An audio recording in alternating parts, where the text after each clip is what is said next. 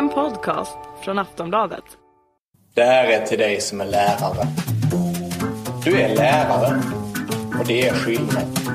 Så snacka gärna skit om mig och andra politiker. Och inte om varandra. Tack för ditt arbete. We don't need no education.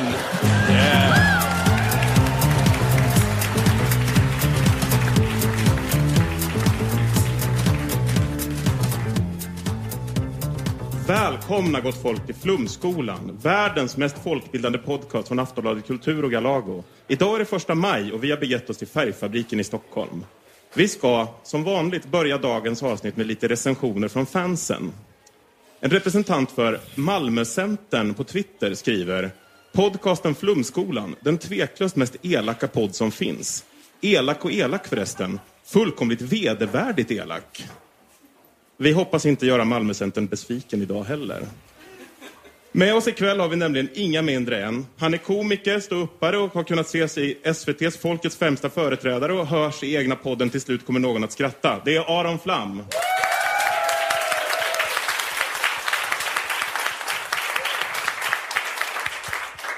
Om vår nästa gäst läser jag i rasistbloggen Fria Tider att är du man och bor i Stockholm? Frågetecken. I så fall finns det risk att du kommer få dela pissoar med Aftonbladets Kristin Renqvist och hennes feministiska så kallade kisstratt.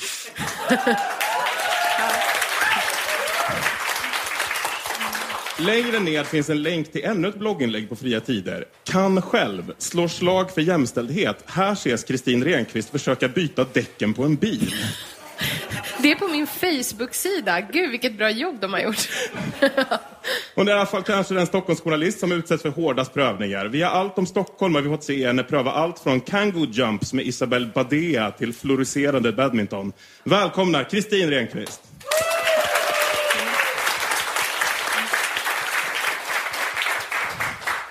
Hon är satiriker, poddare från Fantastiska Lilla Drevet samt en av landets mest älskade serietecknare. Ge en varm applåd till Nanna Johansson.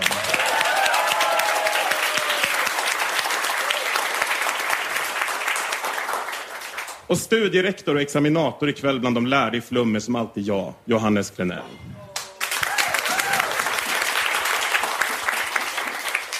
Vi kör igång. Jonas Sjöstedts Sammanflöden är något så spännande som en politisk thriller i EU-miljö. I boken får vi träffa ett antal driftiga vänsterpartister som likt mästerdetektiven Blomqvist bekämpar brott i Bryssel. Vi går direkt på inledningen och huvudkaraktären David, assistent för Vänsterpartiets ledamot Johannes Wikström. Så skönt att inte vara bakfull. Det var David Lövs första tanke när han stängde av väckarklockan. Han låg kvar i sängen några minuter. Gårdagen hade varit lugn. En typisk söndag. Är det här universums bästa eller universums klyschigaste början på en deckare? Alltså jag tycker överlag att han kunde eh, ha börjat med eh, Boom! Varför börjar han med två kapitel om hur det, handlar i EU, om eh, hur det fungerar i EU-parlamentet? Varför går han inte rakt på ett bestialiskt mord? Börjar med en kille som vaknar bakfull, dricker te, går igenom en motion. Det är så himla tråkigt. Jag fastnade för en annan sak på första sidan, för jag trodde att jag hade hittat mördaren redan där, för det står så här. Han hade satt orkidéerna i vatten i badkaret och sorterat CD-hyllans skivor i bokstavsordning. Och så tänker man så här, det här är liksom EU-parlamentets Hannibal Lecter. Men alltså det är bara Jonas sätt att beskriva en hyvens kille.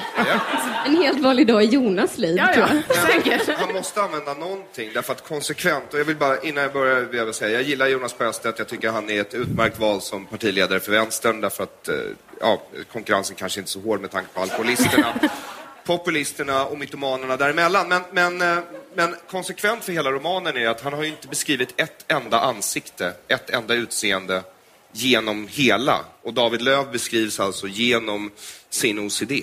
När han har beskrivit några söta tjejers ansikten. Ja, så här, mörkt hår såg bra ut. Men det var liksom inte vad som såg bra ut. Det var liksom ingen så här... Jag vill liten- minnas någon rak näs. Nej, det var lite snyggt, lite gulligt uppnäst. Upp, ja, det var väl enda i och för sig. Det var Beate, Mm. polska Ja, jag vet. Ja. Få se. Tre öl hade han nog druckit på Belga bar. Sedan hade de gått vidare till en fest hos en tysk i Excels som, var, som Jörgen var bekant med. Det hade varit en otrolig massa folk i den lilla lägenheten. Kanske drack han två glas rött där. Och en gin och tonic, minst. Någon hade dragit på musiken och börjat dansa. Men tysken hade blivit alldeles stressad och sänkt ljudet igen. Det var då de hade åkt vidare i taxi. Han, Marek och polskorna. Till en klubb nere i centrum. Nu började det bli lite svårare att minnas. Hade han druckit tre öl där? Och en vodka också. Minnena var lite suddiga. I alla fall hade de dansat runt och haft skitkul på dansgolvet. Hur, hur lätt hade ni att visualisera Sjöstedts inre monolog när han skrev det här? Mycket lätt. Mycket, mycket lätt. Ja, men man fantiserar väl om det man inte har. Ehm, jag tänker att det här är... Han kanske fick fråga någon kompis du, vad är, vad är en öl för mycket? Hur mycket har man druckit då? Och så vidare. Ja, men det är verkligen så här. Alltså, tror ni, alltså så här, det är liksom så här, han liksom listade som två glas vin, sex starköl, minst en gin och tonic samt vodka. Och det är liksom en rimlig, lite hårdare kväll på krogen. Tror ni det är i Sjöstedts tankevärld eller faktisk erfarenhet där? Alltså jag tror att han listar de alkoholhaltiga drycker han vet. Det finns öl, det finns vin, vad fanns det mer nu igen? GT och vodka också va? Eller? Sedan hade Beata dragit med honom hem och det hade varit... Punkt, punkt, punkt. Bra hade det nog varit. Synd bara att man druckit så mycket att man knappt minns när man tror att man haft riktigt bra sex. Ja, det var ju praktiskt att han slapp skildra det. Riktigt bra sex. Det är så Alltså- fint. Det, det, det här är återigen så här, miljöbeskrivningar hade varit bra att få in i boken. Alltså, människor beskriver han ju mest i politisk färg. Det är så han kategoriserar.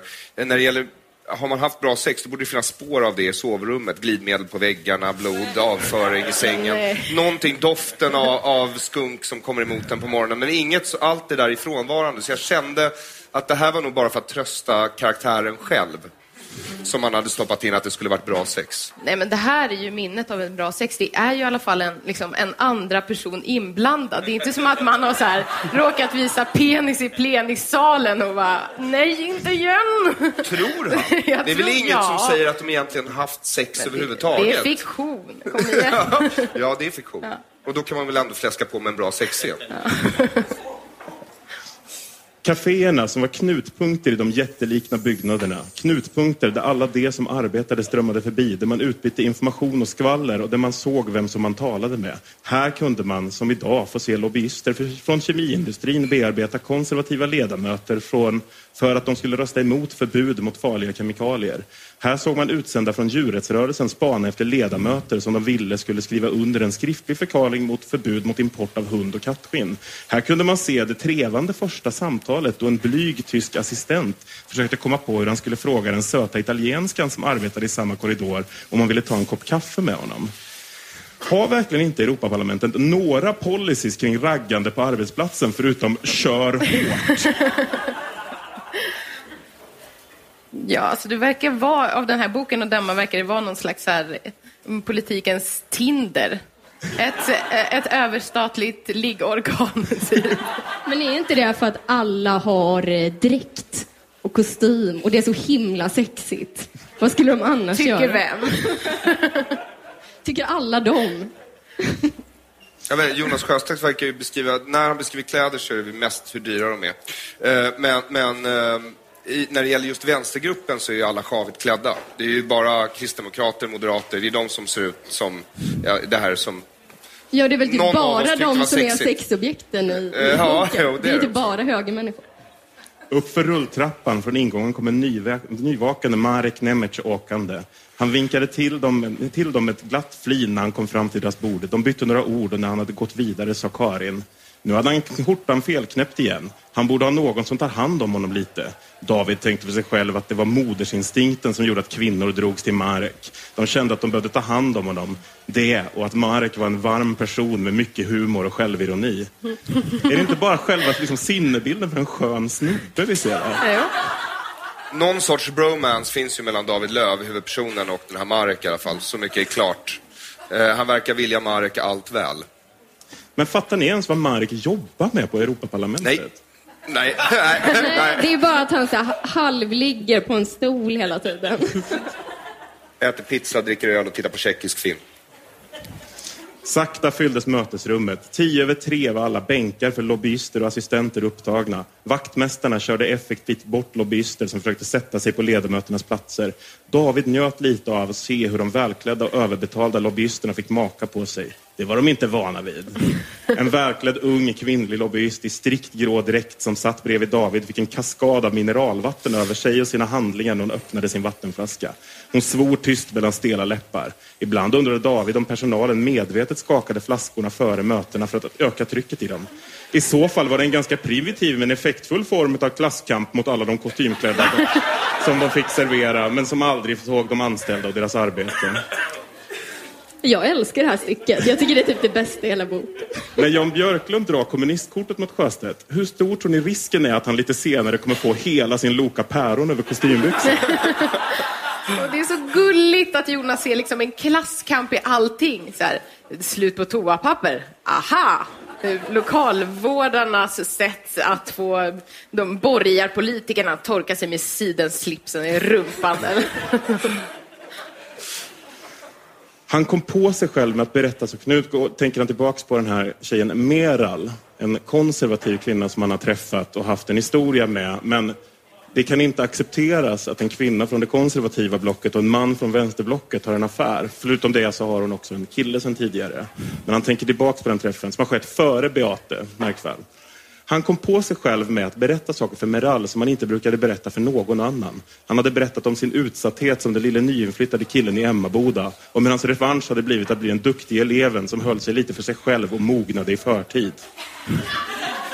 Den här 10-11-åringen ja. som fick det här samhällsintresset. Hur såg han ut? Vad var det för kille? Ja, det finns en eh, historia kan man säga. För att när vi flyttade runt mycket då då var jag rätt utsatt ibland.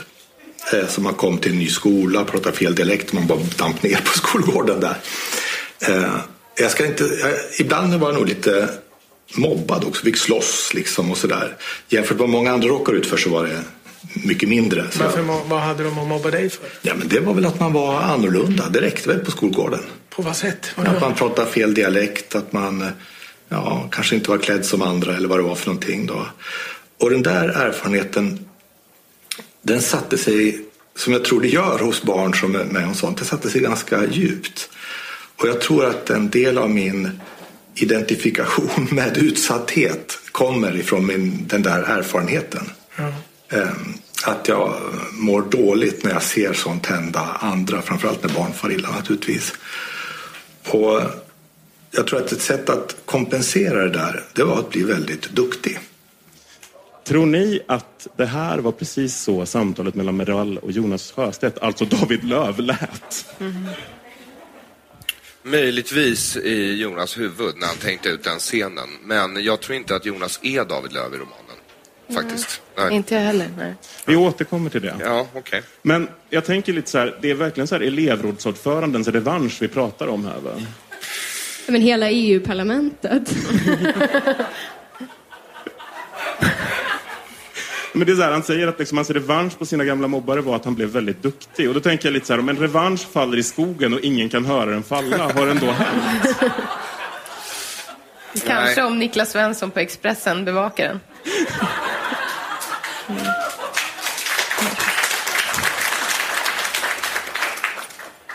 I några timmar under ett hemvävt turkiskt täcke och det öppna fönstret i takkupan där det stod pelargoner i krukor hade David trott att han äntligen hade kommit rätt. Att han hade träffat någon som han verkligen passade ihop med. Ett förhållande som kunde bli något mer än alla dagdrömmar, fylleknull och tillfälliga flörtar. Skulle ni säga att David är lite av en humble bragger? Ja. ja, det här att han skryter om att han trivs i rum med pelargoner. Ja, alltså gör det bara, men säg det inte. Det är liksom... En gång hade han beklagat sig för Jörgen om sin otur i kärlek. Jörgen hade konstaterat syrligt att, att David, till skillnad från honom, i alla fall hade otur ganska ofta och med väldigt trevliga kvinnor. Kanske hade han rätt. David hade inte berättat för någon annan om sin natt med Meral Yilmaz. En flört med en tjej i den konservativa gruppen kunde allt för enkelt bli ett hett skvaller som snabbt spreds i partiet. Det ville han absolut inte. Hur bra stoff för en Romeo och Julia-saga är egentligen kärleken mellan en kristdemokratisk och en vänsterpartistisk tjänsteman i Europaparlamentet, tycker jag? Men, men man tänker konsekvent genom hela romanen att han måste ha haft många heta känslor för många högerdamer, Jonas. Eh, därför att det här återkommer ju gång på gång. Eller för nästan- Göran. Ja. Göran Hägglund. Ja. Hand i hand på Almedalens strand. Almedalen är väl, jag har aldrig varit i EU-parlamentet men jag kan för, om det är, Almedalen är ju liksom, det är alla elevrådsordförandens chans att få ligga. Så det, ja. Nere på våning tre hade gratisdrickarna redan samlats i stora flockar. På ena sidan hallen öppnades en konstutställning med stora grälla abstrakta målningar av en slovensk konstnär. Bland de konstintresserade såg han några av Junilistans anställda som stod med glas i händerna och plundrade en skål chip. Alltså, Judilistan är så här återkommande i boken. Hur mycket tror ni Sjöstedt gillar det där glada gänget egentligen? Eh, inte alls. Men jag, just, jag håller med honom. Det är så, jag vet inte vad det är med Junilistan, men det är så himla bra comedy. Och bara det här att hon står och plundrar en chipsskål. Man får så tydliga min bilder av deras gamla munnar som bara äter chips. Jag tycker det är en underbar bild. Han såg Marek Nemec stå och prata med en så ung söt kvinna med flätor som var klädd i någon sorts tjeckisk folkdräkt. Marek såg däremot inte honom. Han verkade helt fokuserad på den blonda tjeckiskan. Alltså, gör någon någonsin något annat än raggar på det där Europaparlamentet? Eh, och en person sitter och skriver en deckartrilogi.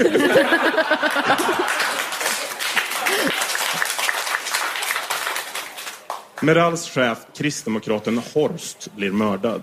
Det såg för jävligt ut. Kriminalkommissarie Defoy hade sett åtskilliga mordplatser, men den här kvalificerade sig som en av de allra värsta och mest makabra. Kroppen var spetsad på skulpturens vassa böjda stålstänger. Två av stängerna gick rakt igenom offrets överkropp och ut på andra sidan. Skallen hade krossats av det våldsamma fallet. Järnsubstans och blod hade runnit längs skulpturen och ner över golvet och de grå heltäckningsmattorna i trappan. Till och med tre våningar ner på de stenlagda EU-stjärnorna på entréplanets golv var en sörlig pöl av blod och järnsubstans. Stålstrukturen var en enorm. Dess böjda vågformade stålrör i olika tjocklekar utgick ifrån ett fundament på den tredje våningen. Men den sträckte sig ända ner till bottenplanet och upp till den sjätte våningen. På fundamentet hade Defoy läst att den hette confluences, sammanflöden. Men tydligen kallades den medbeslutande processen i parlamentet efter en av EUs beslutsprocesser som också var enormt komplicerad och svåröverskådlig. Som antagligen ledde fram till beställningen av den statyn. Har ni lätt att föreställa er just Sjöstedt sitta och klura fram de här mordscenerna? Nej, på rak arm nej. Alltså jag har det, men alltså, återigen, jag tycker det här är ju en av de mest utförliga platsbeskrivningarna i hela romanen. Eh, I övrigt så beskriver han ju bara folk i politisk färg. Så jag har lätt att se honom sitta och tänka på att just kristdemokratiska, högerextrema eller liknande ledamöter blir mördade, kanske av honom. Men kommissarien tyckte instinktivt illa om dessa överavlönade EU-byråkrater som steg för steg tog över hans Bryssel. Det fanns ingen värre än sådana typer. Det skulle i så fall vara flamländarna, tänkte. Dessutom hade de infört rökförbud i EU-parlamentet, men det struntade han i. Det här var ändå Belgien. Alltså, är det någon alls som gillar EU i den här boken? Alla de får ju ligga. Ja, eh, en verkar, det är han som blir mördad. Horst heter han va? Eller? Han tror på EU. Ja, han tror på er. Och han beskrivs också så. Men så blir han sedermera brutalt mördad också. Så.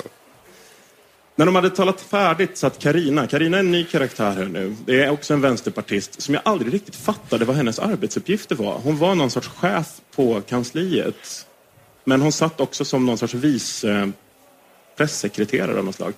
När de satt för att tala färdigt satt Karina tyst och tankfull. Hon visste inte riktigt vad hon skulle tro. Hon litade på David. Det fanns få hon litade på helt och hållet i det huset som honom. Samtidigt var historien lite osannolik och osammanhängande. Vad skulle man dra för slutsats av den? Det var också uppenbart att David var förälskad i den där konservativa assistenten. Förälskade människor kunde vara både omdömeslösa och ägna sig åt önsketänkande. Det hade Karina sett många exempel på. Hon kände ett starkt behov av att diskutera saken med sin make Erik.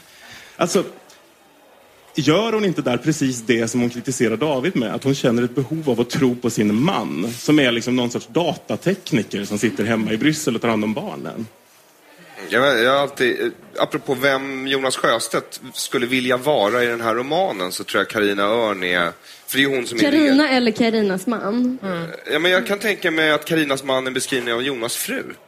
För Karinas man beskrivs som tyst, tillbakadragen, analytisk och går att lita på men ingen som helst lust att själv stå i rampljuset. som en nudge, nudge till frugan. Men är han inte båda då? Va? Båda. kan vara, kan vara. Men jag har en till kandidat för vem han skulle kunna vara i boken. Så jag, men jag, fick, får inte, jag får tydligen inte bara ösa ur Du mig. får ösa vad du vill. Får jag det? Ja. Men vi har inte förklarat vad boken handlar om riktigt. Har vi det? Det är en person som har blivit mördad. Jo, det är en du- kärlekshistoria. Men är det, jag, jag känner att det här är en klassisk sån här uh, ung människa upptäcker... Det är liksom Pelican Brief för dummies. Alltså förstår du vad jag menar? Det är, John, det är en John Grisham-liknande typ uh, konspirationsteori som avslöjas av en ung ovetande. Det är oklart vad David gör exakt. Han är någon sorts äggexpert eh, inom EU. Eh, uh, och sen så jagas han då för att både själv undkomma misstankar om mordet och frikänna den han älskar. Så, nu har jag fått säga det. Men David är faktiskt inte äggexpert. Det är Johannes Wikström som han är assistent hos. EU-parlamentarikern som är Han är äggexpert. äggexpertens assistent. Men vadå, det är, väl han som har, det är väl han som skriver alla frågor och har blivit något av en stjärna i äggexpertutredningssammanhangen? Johannes Wikström ja, men det är David som gör allt jobb. Ah, jag förstår. Ja, där har vi min andra kandidat dock. Karina och David satte sig bredvid ett par unga män som var anställda av Junilistan. Deras kanslichef Åke Jansson satte åt en entrecote med pommes frites och en rejäl hög majonnäs.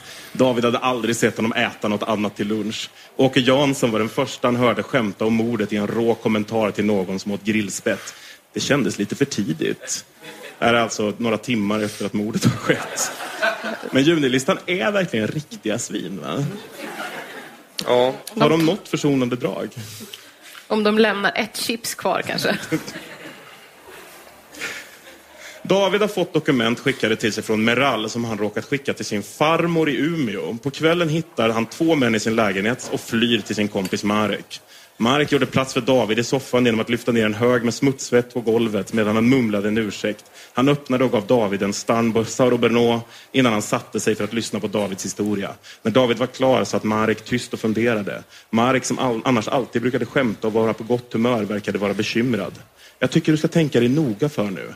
Blanda inte ihop vad du känner för Meral med vad som faktiskt hänt. Även om du litar på henne så känner du henne egentligen inte speciellt bra. Hon tillhör faktiskt högern. Tänk om hon skyddar några skumma affärsintressen eller tillhör någon reaktionär grupp. Alltså, okej att högern håller på med en hel del fuffens, men är det verkligen goda skäl för att misstänka någon för mord att den röstar på KD? Eh, alltså, det verkar ju så, det är det jag menar, det jag återkommer till det. Jonas beskriver bara folk i politisk färg. Det är så han ser verkligheten, verkar det som. Och de onda är alltid på ena sidan. När David Löv Men han gör... har ändå kämpat för att vara nyanserad. Det är så många brasklappar som är man är inte ond bara för att man är höger. Vet, nu men- råkar alla i den här boken vara det, men det behöver inte vara. Men det är alltid som en apropå efter att han har gått igenom i sida efter sida hur ondskefull högern är. Så är det så här, alla behöver inte vara onda. Som för att ursäkta samlaget David Löv ska ha med Meral senare. Sjöstedt ger dig svar på tal omedelbart, Nanna. Tänk om det är ni som har förutfattade meningar. Bara för att någon står till höger så innebär inte det att de behöver vara oärliga. Det är bara i vårt önsketänkande som vi gör höger-vänstermänniskor till samvetsfulla och ärliga medan högerfolk inte är att lita på. Både du och jag vet att det finns bra och dåligt folk oavsett politiska värderingar. Hur många arslen har inte vi stött på som kallar sig för socialister? Tänk bara på hur det var i ditt eget land innan muren föll. De som styrde kallade sig för kommunister men var egentligen bara maktfullkomliga byråkrater som skodde sig själva. Alltså vem pratar ens alltså. Jag vet inte, men, men jag får också känslan när just det här eh, tas upp så får jag känslan av att de han menar inom vänstern han har stött på som är arslen, det är andra killar som tar deras högertjejer. Det verkar liksom inte vara... Det verkar ju inte som att, alltså... För på högersidan så är man ond per definition i den här boken om man inte råkar vara just en högertjej. Som är lite attraktiv då för huvudpersonen. De får dit Karina till slut i alla fall som har blivit övertygad om sin man, av sin man om att det faktiskt kan vara så att David inte är, skyld, är medbrottsling eller att Meral är skyldig till det här mordet. Uh, och då skriver han så här. Hon tystnade ett ögonblick och mötte Davids och Mareks blickar. Vi måste hitta Meral och vi måste få tillbaka dokumentet. Det måste du göra David. Det är dig hon litar på. Du får se till att träffa henne på ett ställe som är säkert för dig. Du måste göra det utan att lämna några elektroniska spår efter dig. Du får inte flyga, du får inte använda din, din mobiltelefon eller ditt bankkort. Du kan inte använda din e-post. Men de elektroniska spåren kan också användas av oss. Erik och jag talade om den möjligheten igår. Jag hade tänkt att vi också skulle lägga ut ett villospår. Det blir din uppgift Marek. Om det, kan, om det lyckas kan både polisen och de som mördat Horst ledas åt fel håll. Då får vi tid att för på oss att arbeta i lugn och ro. Under tiden får jag börja nysta i vad som, vad som finns bakom säkerhetstjänsten. Så här hade jag tänkt att vi skulle göra.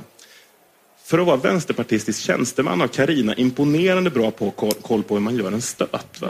Mm. Jag tycker det är väldigt roligt att eh, de företräder liksom, EU, överstatligt samarbete, men den lokala polisen, så här, nej, det är nog bättre att vi gör det liksom, själva. Det är nog bättre att Vänsterpartiet fixar det här. Absolut, ja.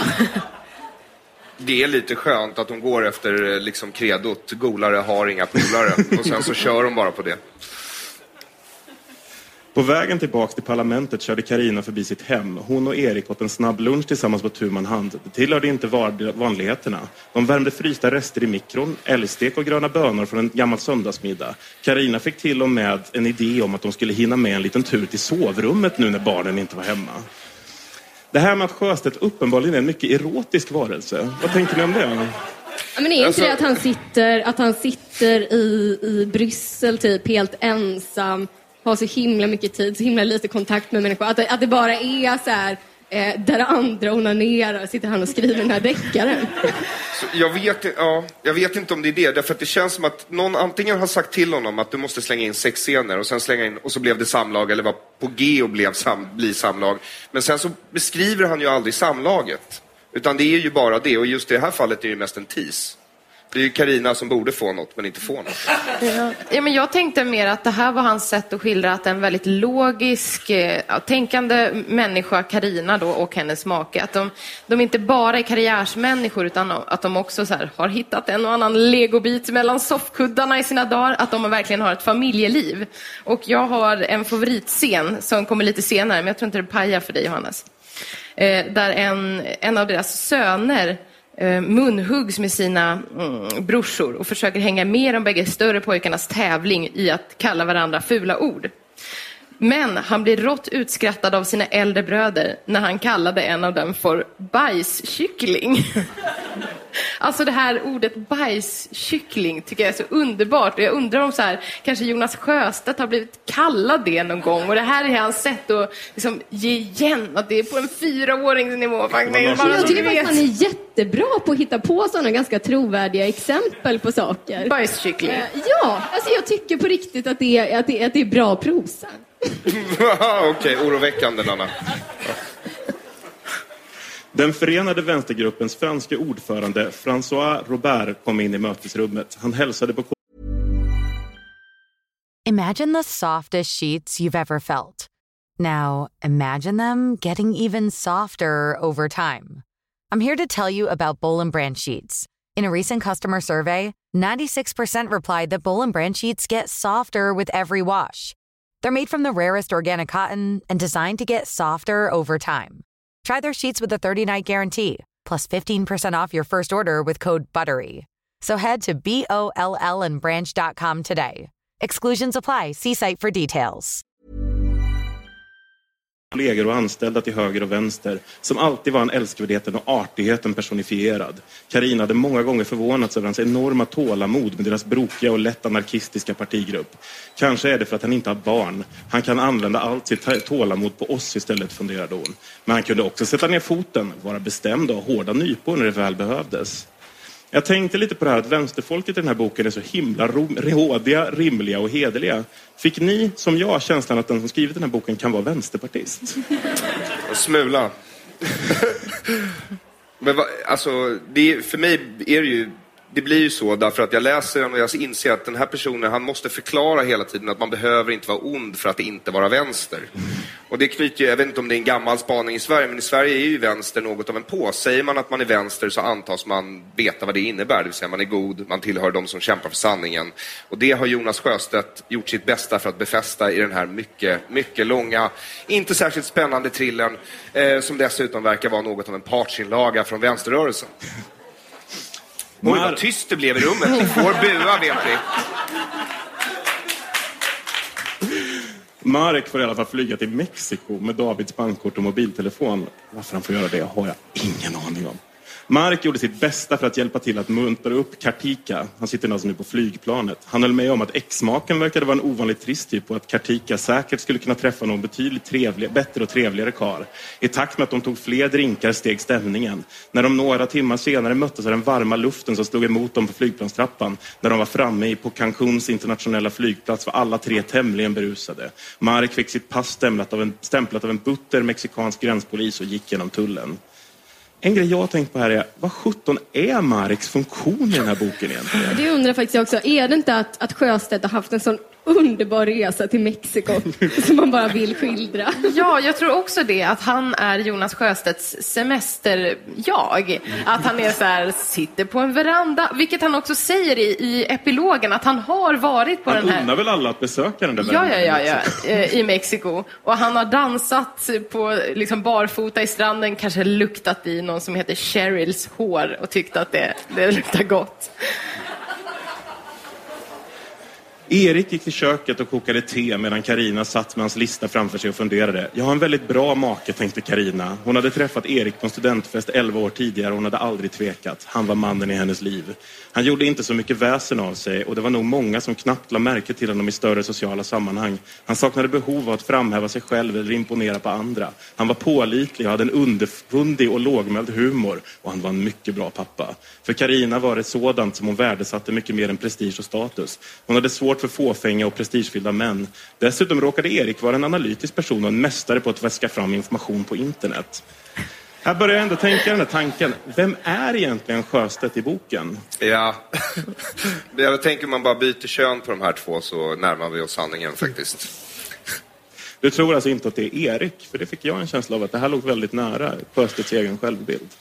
Nej, jag tror att han- eh, det här är, jag tror att den han vill vara är Karina Örn. Den han egentligen är är Johannes Wikström. Alltså eh, Den parlament, ja, parlamentsledamoten. Vars, vars anställda gör allt jobb medan han är på någon resa i Turkmenistan utan att checka in i kontoret. Eh, och bara liksom eh, kommer tillbaka och får en pressrelease och går ut och läser upp den och sen så... Men jag undrar varför vi genom hela boken får veta allt om hans resa till Turkmenistan när det inte har någonting med något att göra. Det är så här, presidentens ansikte på statyet vände sig efter solen. Bara, ja, ja, ja, men vad har det här med något att göra? Fast, fast det har med saker att göra, därför att det sista som händer i boken det är ju att Johannes får gå ut framför den samlade presskåren och säga att Vänsterpartiet har nu hittat mördaren och allt är åter väl i unionen. På kvällen gick Marek längs havet till en restaurang i närheten som hade sin servering direkt på stranden. Han fick ett bord där han hade fötterna i sanden. Kvällen var varm. Marek beställde tacos och mexikanskt öl. Han fick en flaska med två X på etiketten och en bit lime i flaskhalsen av en ung kypare som skämtade vänligt med honom. Vid bordet satt, bredvid satt två unga kvinnor och pratade med varandra. Marek bytte några ord med dem och snart bad de honom flytta över till deras bord. De heter Cheryl och Karen. De var barndomsvänner från Kanada och hade åkt till Yucatan på tre veckors gemensam semester. Det blev en lång och blöt kväll. Framåt midnatt dansade Mark tätt intill Cheryl på stranden. Hon luktade så gott. Deras bara fötter rörde, rörde vid varandra när de dansade sakta i sanden. Han kände hennes kropp som rörde sig smidigt tätt mot hans. Mark var full och lycklig. Om det är så här det är att bekämpa, bekämpa kriminaliteten inom EU så kan jag nog tänka mig att göra fler insatser, tänkte Marek Nemic. Alltså, jag förstår verkligen inte varför vi får veta det här. Hade det liksom inte varit till och med pålitligt att skicka typ Lars Ohly till Mexiko? Men är det inte att Marek är Lars Ohly? Nej, men jag, jag tror faktiskt att det här kan vara Jonas drömsemester till Tulum utan fru. Det är så, så här, det här är vad jag skulle ha Fast gjort. jag tror han dansar barfota med sin fru också. Jag tror han alltid dansar barfota i sanden. Det är kanske det här Vänsterpartiet menar när de säger en trygg och bra anställning. Det här? Men jag, jag hade gärna sett eh, liksom, infogat kanske Jonas egna semesterbilder. Det hade varit mysigt. Supermysigt. Ja. David och Meral har i alla fall plockat upp varandra i Berlin eh, och blivit jagade av de här skurkarna som var i Davids lägenhet. Eh, de har kastat sig på ett nattåg norrut eftersom David har räknat ut att han, de här hemliga papperna som Meral skickat till honom befinner sig hos hans farmor i Umeå. Eh, samtidigt ringer det hem till Davids föräldrar. Kristina var lite nyfiken på vem som kunde ha ringt om det var till henne. De flesta samtal de fick brukade vara det. Till sin förvåning hörde hon att Robert bytte språk, med, bytte språk till sin rostiga skolengelska. Oh yes, I am father to David Löv. Nu blev hon intresserad och gick närmare. Robert var tyst och lyssnade på den som talade på andra änden på linjen. Så svarade han. No, I don't know where David is. Should he be in Sweden you said? What is he doing here? Robert lyssnade igen. Nu blev han avbruten av sin hustru. Söker de David? Robert nickade och såg lite stressad ut när han försökte lyssna på två personer samtidigt. Kristina Lööf bröt in igen. Jag pratade med Daga igår. Hon sa att David hade ringt och att han skulle hälsa på henne på hennes födelsedag. Hon hade skickat, han hade skickat ett paket också. Vadå, sa Robert Lööf till sin fru. I luren sa han, excuse me one moment. Kristina Lööf upprepade det hon sagt och Robert talade i luren igen. The mother of David says that he maybe will be with his grandmother. Här tycker jag ändå vi ser bokens absolut största plot hole. Alltså att, David, alltså att skurkarna ringer till Davids föräldrar. Men polisen, som ändå har spårat Davids telefon till Mexiko, absolut inte tänker på att ringa hans föräldrar. Tråkigt att det ja. blev så ändå. Ja, det blev fel. Ja, det blev fel. Min bild av polisen är att det där är inget plot hole, faktiskt. Jag tror faktiskt bara en person kan ge oss nyckeln till vad som gick snett i den belgiska polisen här. Jag ber er därför välkomna upp och se en bokens författare Jonas Sjöstedt, om han fortfarande är i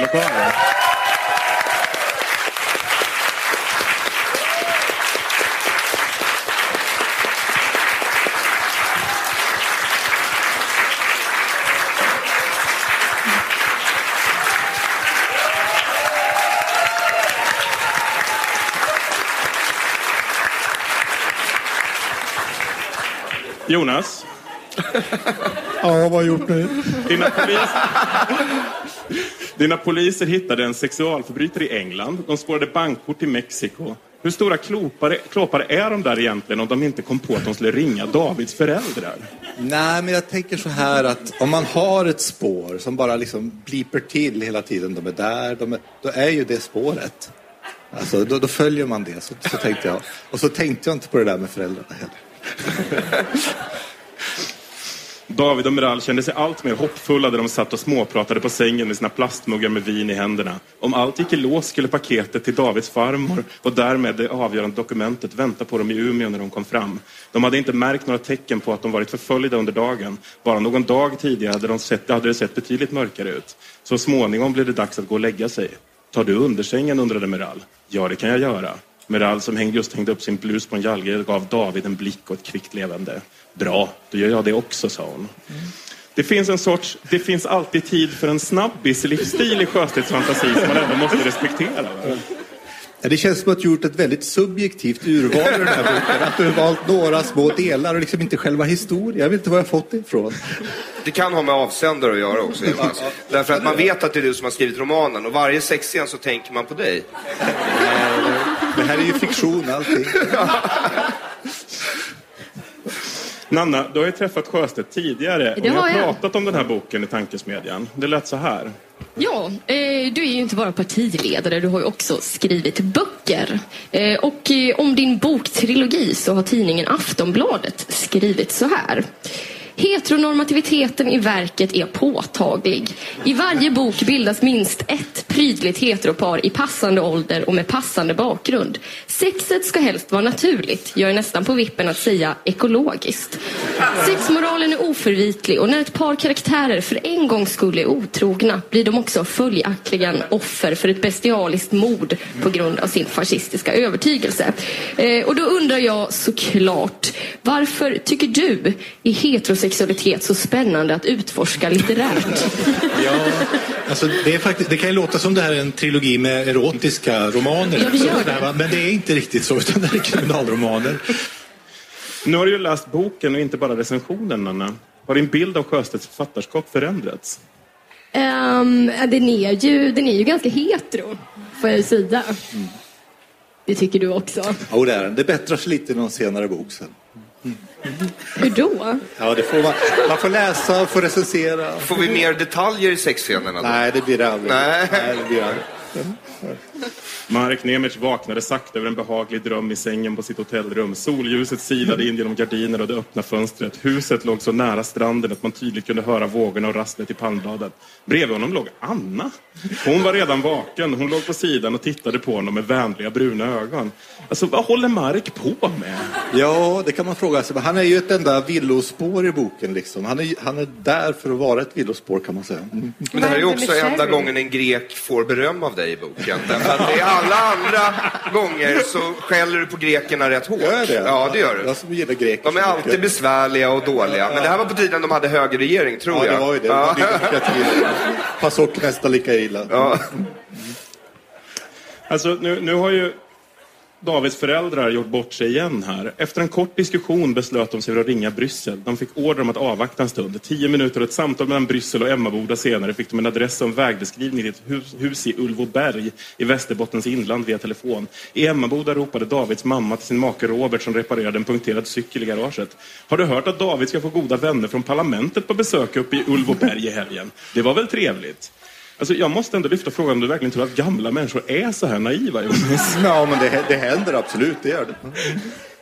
Men är det här ett föräldramord från din sida? Nej, det är inte. Nej, de, nej, de är inte med.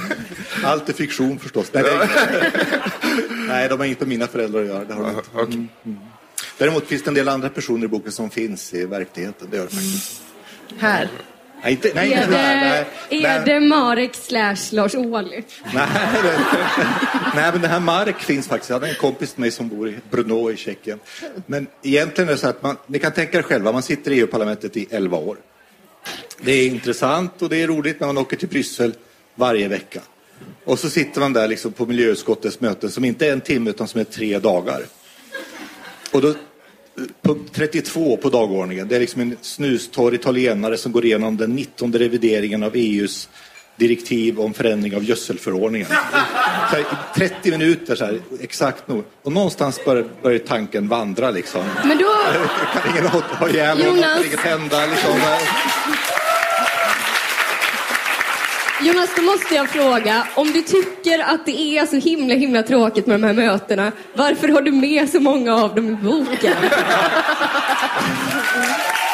Eh, Nej, men boken hade en sorts eh, terapeutisk funktion också. Helt allvarligt faktiskt. Jag, eh, jag hade- lämnat det där Hade du ingen redaktör? Jo, han var för snäll.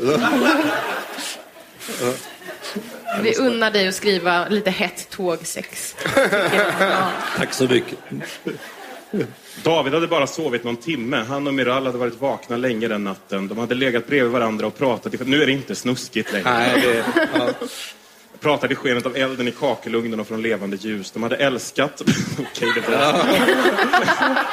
Pratat ännu mer och älskat ännu en gång innan de till slut hade somnat. Sammanslingrade tätt intill varandra. Nu vaknade David med ett ryck av ett fruktansvärt oväsen på nedervåningen.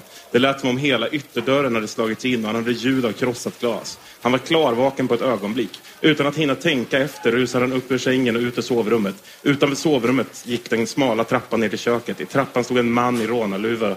Kom en man i rånarluva uppspringande. I handen höll han en kniv. Vi hoppar direkt till Marek. När pappa Ben Watson hade tittat ut i korridoren hade han mötts av en uniformerad man i skottsäker väst, hjälm och skyddsmask som hade pekat ut honom med ett automatvapen och kommenderat honom att omedelbart gå in igen på sitt hotellrum. Nu satt hela familjen Watson skräckslagna i den breda sängen, höll om varandra och undrade vad det handlade om. Barnen grät, frun i familjen, Sheila Watson, frågade oroligt sin make om det kunde vara en attack av Al-Qaida. Polisöverste Fernandes hade tagit det säkra för det osäkra och låtit skjuta in ett par tårgaspatroner genom fönstret på Mareks hotellrum innan hans styrkor hade stormat in med skyddsmasker och automatvapen i högsta hugg. De hade räknat med att slita upp två unga mördare ur deras säng, men hotellrummet var tomt. Mark måste leva världens konstigaste liv. jo då. Jaha, där var det slut. Eller? Det här var jättespännande passage tycker jag. Ja, det tycker jag. Jag tänkte bara på en sak där. Jonas Sjöstedt, eh, vad säger du om att man får göra avdrag för att hyra in någon som blandar drinkar på den privata festen? Alltså jag tycker att det är fullständigt orimligt. Jag har bara en fråga här. Har du förankrat motståndet mot rutbartenders hos Marek, David och de andra assistenterna? Nej, inte riktigt tror jag. Alltså, det, är, det är alltid gratis i EU-parlamentet. Det är inte fråga om att få bidrag till det, utan det kommer ju av sig självt. Sådär. Ja. Det är ingen som betalar för det där? Nej, alltså det var det helt allvarligt. Man gick ut från en votering så stod det ett champagnebord uppdukat. Så stod det lite diskret skylt på namnet på storföretaget som betalar. Sådär. Så var det. Uh, männens ledare vinkade med sig en av de andra och de sprang över gårdsplanen mot uthuset. Det var precis i det ögonblicket som Vilhelmina-polisens bil med Lars-Gunnar Björk och Lennart Marklund rusade, rullade in på gården. Lars-Gunnar Björk och Lennart Marklund var två erfarna poliser. De hade tagit hand om åtskilliga fall av misshandel. Så, tänkte lika bra att göra det ordentligt. Klipp Elias. um, ehm, tjuvjakt och fyllekärning på snöskoter under sina år i yrket. De kände det lokala buset i Västerbottens inland väl och bland dem fanns inget som kunde matcha dem. Det visste de. Vad är grejen med att Europas och kanske jordens två enda någorlunda normalfungerande poliser är stationerade i Vilhelmina? Nej, men det, Västerbotten är fint. Det är så. Nej, men jag har en teori här. Och för jag kollade upp det här på internet. Ja. Och att Vänsterpartiet har sitt starkaste stöd i Västerbottens och Norrbottens län. Ja, och vad det. ligger där? Ja. Just det, Lycksele. Så att det kanske är en liten liksom, trevlig vinkning till dina röda bröder och systrar där uppe. Nej, men jag gillar ju Att de har bra snutar. Ja. Ja. Det är nämligen så här, nästa steg är, Lars-Gunnar var god pistolskytt. Hemma på hyllan i villan i Malgovik hade han en rad fina priser från skyttetävlingarna i polis-SM. Rörde sig inte i fönstret i ett av, ett av fönstren i stugan. Han anade konturen av en beväpnad man i köksfönstret. Lars-Gunnar tänkte på något som man brukade säga i jaktlaget. Det som skedde i skogen stannade i skogen. Han siktade noga och tryckte in avtryckaren. Alltså, att en polis tänker det som händer i skogen innan han skjuter en snubbe, är inte det rätt oroväckande snarare Jo, samtidigt är det sånt där klassiskt jaktlagsuttalande. Alltså det är det. Det som sker i skogen, det stannar i skogen. De två poliserna från Lycksele var inte bara erfarna poliser, de var också erfarna jägare. Mannen var chanslös. De hade spårat honom i den djupa snön och fångat honom som ett villebråd i skogen. Det som händer i skogen, antar jag. Nu är i alla fall alla skurkar infångade där uppe och allting är ganska säkert. Karina Örn tog morgontåget 07.24 till Strasbourg från den skinande moderna Luxemburgstationen framför EUs parlament i Bryssel. En del kallade tåget för byråkratexpressen. Hon kände ingen, igen en stor del av personerna som stod på den nyrenoverade perrongen med sina portföljer och små resväskor som drogs på hjul. Många av de anställda i EUs parlament såg fram emot parlamentets session i Strasbourg varje månad. Vissa åkte till och med med fast de egentligen saknade arbetsuppgifter som krävde att de var där. Sessionerna hade vissa drag av personalfest eller personalresa. I Strasbourg passade många på att gå på stadens goda restauranger, att festa på barerna. Karina Örn tillhörde inte dem. Hon hade aldrig varit på barer som aviatör eller perestrojka som de bakfulla kollegorna brukade berätta om. Alltså är det aldrig någon som jobbar på Europaparlamentet? Nej, men det är, alltså, det är rätt mycket sådär också. Men är det liksom någon sorts Ibiza för ett jättestort elevråd? Ja, ungefär skulle jag säga. Det är en rätt bra analys. Så. Både och. Kan vi inte få svar nu då på vem du är i boken? Nej, men jag är ju ingen speciell. Det är ju fiktion allting. Nästan. Nej, men jag hade en assistent som jag tyckte jättemycket om. En, en kille som jobbade för mig som var lite sådär, lite, lite försiktig. Eh, han heter Daniel Blad. eh, Som Jaha, jobbar okej. mig. Och han är ju David Löf. Ja, det är det. Eh, Fast det har ju gjort om honom. För man vill ju inte att det ska vara precis som en person. Men hade han sorterat sin kryddhylla i bokstavsordning och CD-hyllan? Ja, jag skulle tro att han hade gjort det. Alltså. För jag trodde att du hade na- valt namnet Löv som en engelsk-svensk ordvits, alltså att det var som i löv. att han fick ligga så mycket hela Nej, tiden. nej, nej, Nej. Nej. När en bestämd medelålders kvinnlig reporter från Frankfurter Allgemeine frågade ifall mordet kunde få politiska konsekvenser tog han vara på tillfället. Johannes står alltså nu och talar inför folket. Han har kommit tillbaks från Turkmenistan. Jag måste bara fråga, vad har du emot Turkmenistan egentligen? Nej, men det är ju världens skummaste land. Jag, jag var där, de skick, EU-parlamentet skickade dit mig någon gång faktiskt, till Turkmenistan. Och det är det konstigaste land som jag någonsin har varit i. Alltså, det är helt märkligt. Så, så det, den beskrivningen där är snarast liksom, ja, ganska realistisk av Turkmenistan. Fast den var två år tidigare eller något sånt där. Ja, det är säkert tiden är lite sådär. Det här mordet har utnyttjats hänsynslöst av främlingsfientliga krafter och högerextremister inom EU. Bara för att ett ung kvinna av turkisk härkomst varit misstänkt har de tagit chansen att misstänkliggöra alla muslimer och angripa Turkiets ansökan om medlemskap i EU. Jag kan naturligtvis inte ge några namn på skyldiga här och nu. Det skulle föregripa och försvåra polisens arbete. Men jag vet att dessa brottslingar har haft skydd och direkt hjälp både av anställda vid två olika direktorat i EU-kommissionen och inom EU-parlamentets säkerhetstjänst. Det är uppenbart att dessa EU-tjänstemän har starka kopplingar till ansvariga kemiföretaget. Det här visar på allvarliga problem i Europeiska unionen. Alltså, är det så att Johannes lyckas förvandla ett mord till EU-kritik? Ja, det verkar så. Nej, men de här tjommarna från eh, kemikalieindustrin, det, det kom ju otroligt mycket lobbyister till ens dörr när man satt i EU-parlamentet. Och de mest cyniska, det var nog de här som lobbade för att få fortsätta exportera kemiskt avfall till typ Somalia. Fast Somalia var i inbördeskrig. Och de träffar man ju faktiskt. Helt osannolika typer egentligen då. Så jag tänkte att ja, jag tar dem där och stoppar in dem i, i boken lite grann. Jag tänker lite på din EU-kritik, Jonas. Vi kan höra dig här. Och nu åker de land och rike kring, samma partier som då röstade här för, för det här fördraget utan att vi ska få folkomrösta om det, fast det handlar om vår alliansfrihet, det handlar om vår möjlighet att påverka beslut demokratiskt. Och så säger de att vi är för ett demokratiskt samarbete i Europa, samtidigt som de kör över folkomröstningar i andra länder, samtidigt som vi inte ska få rösta om det här fördraget. De säger att EU ska inte få lägga sig i stort och smått, utan det ska vi bestämma hemma, samtidigt som de skjutsar iväg beslutanderätt i fråga efter fråga efter fråga från Sverige till Bryssel och Strasbourg. Det är hyckleri i kubik. Nu har ju du blivit partiledare. Har du tagit med dig det retoriska knepet att göra löjliga röster? Nej.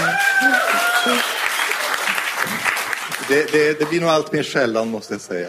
Synd. Ja.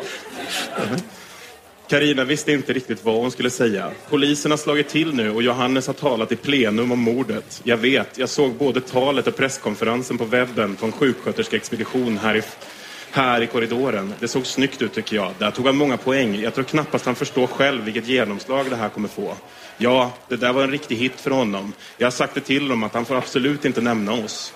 Bra, jag har verkligen ingen lust att vara med i Expressen. Nej, jag känner likadant. Det är som det brukar vara, du vet.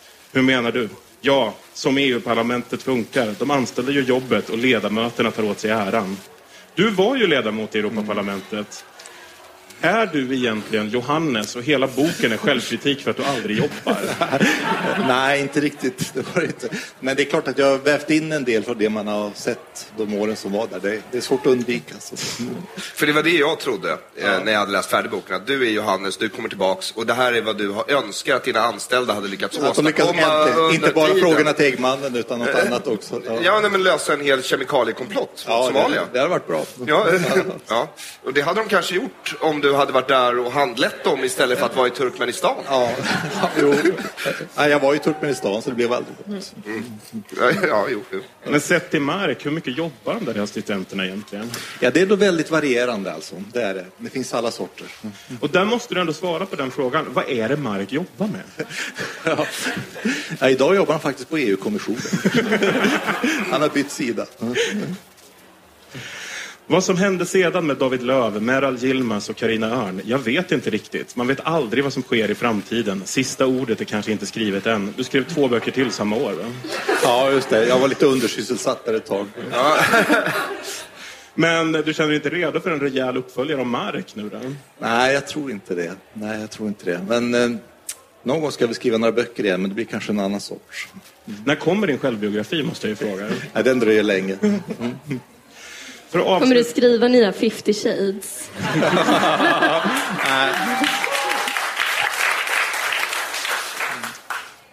För att avsluta det här nu då. Vem ska läsa den här boken? Jonas, du får börja. Men jag är glad om de vill läsa det. det är sådär. Jag, jag hade egentligen skrivit en annan bok och satt och väntade på de där förlagsbreven. Liksom vad, om man får det utgivet. Det är så svårt att få böcker utgivet. Och så tänkte jag att men, har jag suttit där på alla de där tråkiga mötena och tänkt alla de där tankarna om vad som skulle kunna hända, då kan jag väl prova att skriva en deckare. Så gjorde jag det. Kristin? Ja, alltså någon som uppskattar lite erotisk eh, stämning i EU-miljö. Kanske Marit Paulsen? eh? Marit Paulsen kanske. Alltså, alltså jag kan tänka mig att jag kommer hamna på något hotellrum om några år i min karriär och så slår jag på tvn och så är det en tv-thriller som har blivit gjord av din deckare. Och då kommer jag känna, ah, ja, ja, det här kan jag titta på. Faktiskt. För den är rätt spännande. Nanne? Eh, Jag tänker att den ska läsas av eh, alla som gillar Millennium-trilogin men tycker att Millennium-trilogin är lite för spännande och lite för bra tempo.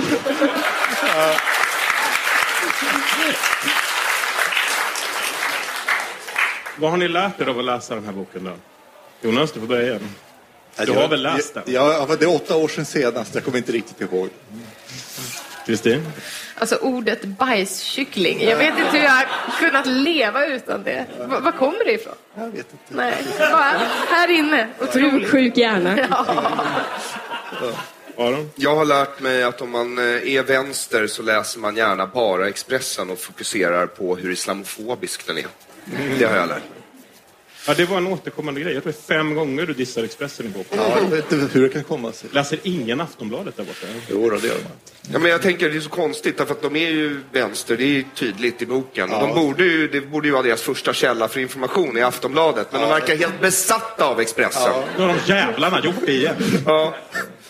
Nanne? Eh, Eh, ja, jag har lärt mig att eh, serber är superfarliga. Källar den här boken så är alla serber yrkesmördare eh, och blodtörstiga. Så det var jag har tagit med mig.